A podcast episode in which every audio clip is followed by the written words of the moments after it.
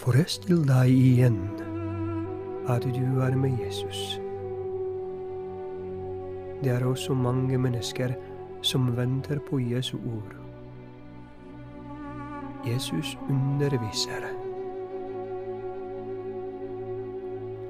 Du minner dette øyeblikk da Jesus valgte de tolv, de som ble apostlene. Det var veldig viktig. Men i dag har det også et viktig øyeblikk, fordi Jesus valgte ut 72 andre og sendte dem ut foran seg, to og to, til hver eneste by og hvert eneste sted han ville besøke. Og han sa til dem, avlingen er rik men høstfolkene få. Be derfor ham som er herre over avlingen, at han sender arbeidere ut for å høste den. Og gå så av sted. Jeg sender dere ut som lam i en ulveflokk. Ta ikke med dere pengepung og ikke skreppe, ikke sko og stans ikke for å hilse på folks underveis. Men når dere tar inn i et hus, så si først Guds fred i huset. Hvis det er fredselle folk, skal også den fred dere lyser, hvile over dem. Men hvis ikke, skal den vende tilbake til dere selv. Bli så hos dem, og spis og drikk hva de byr dere, for arbeideren er sin lønn verdt. Flytt ikke fra hus til hus, og når dere er kommet til en by, og folk har tatt imot dere, så spis det som blir satt frem for dere helbrede de syke som er der, og si:" Guds rike står for døren. Men kommer dere til en by hvor folk ikke vil vite av dere, så gå ut på gaten og rop. Selv støvet herfra byen skal dere få beholde. Vi strikker det av våre føtter men vit allikevel at Guds rike står for døren. Og det sier jeg dere. Når dagen kommer, skal selv folket i Sodoma slippe lettere enn den byen. De sittet og vendte tilbake og fortalte ham gledesstrålende Herre, til og med demonene adlyder oss i ditt navn. Han svarte dem da. Jeg så hvordan Satan falt som et linn fra himmelen. Ja, jeg har gitt dere makt til å trå ned slanger og skorpioner, og til å tråkke hvert av fiendens anslag under fått, og ingenting kan skade dere. Allikevel, gled dere ikke over at demonene er dere underlagt, men over at deres navn står oppskrevet i himlene.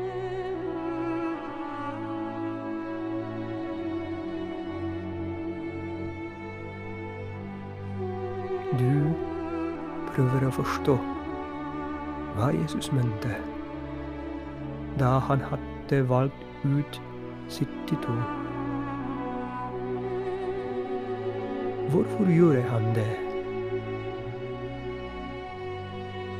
Er de tolv apostlene ikke nok? Og plutselig forstår du at Jesus kaller også deg. Og du er en av de 72. Jesus kaller deg og sender deg ut med det glade budskap. Evangelium og sitt ord. Men Jesus sender deg ut med sitt råd. Han sier at du må først og fremst be om nye arbeidere for å høste. Det betyr at du må be om nye prester og ordenskall. Gjør du det? Hvor ofte? Når var det sist?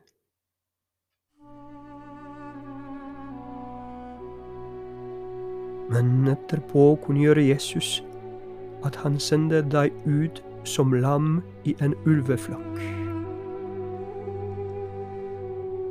Det høres skremmende ut. Men med Jesus er jeg alltid trygg.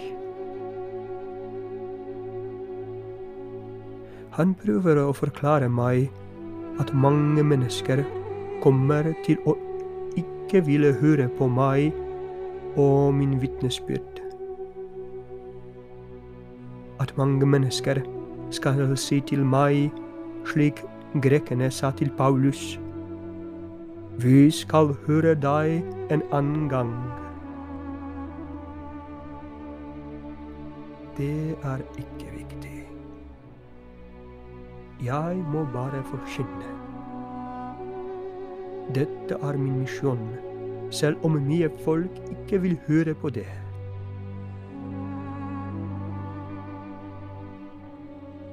Hvem er denne ulveflokk?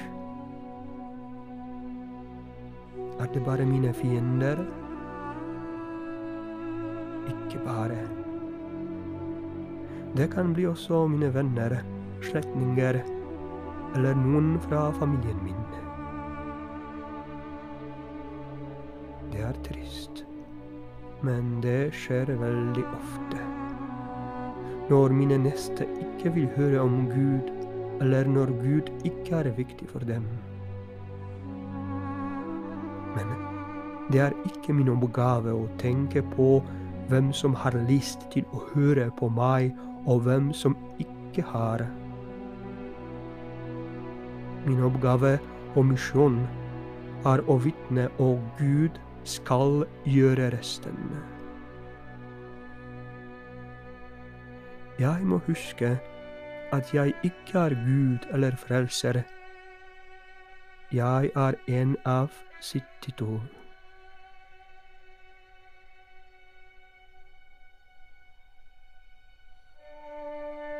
Hva kan jeg gjøre? Hvordan kan jeg forkynne? Hvor kan jeg forkynne? Først og fremst må jeg bli sikker på dette som jeg tror på. Jeg må vise min tro for dem. Folk i dag tror mer på vitnene enn lærerne. Jeg må be for dem, og det er den viktigste oppgaven. Jeg kan også dele denne podkasten med andre. Jeg kan publisere det på Facebook eller sende det til mine neste, eller til dem som jeg tror at de trenger den mest akkurat nå. Dessuten er det mange forskjellige forsynelser muligheter i dag.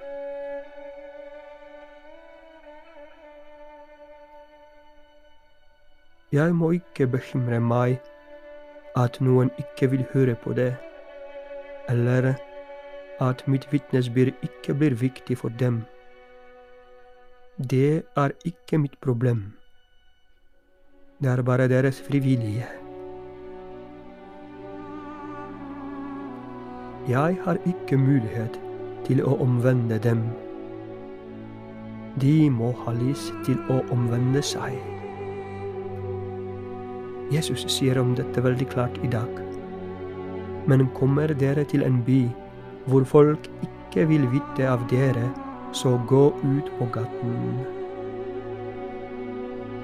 Jeg må bare forkynne, og Gud skal gjøre resten.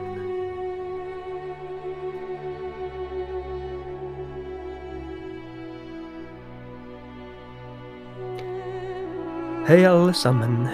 Det var min siste episode for ferie. Jeg vil takke dere for det at dere er sammen med meg. Takk også for svar og godt ord. Det er veldig hyggelig og motiverende. Vi høres snart.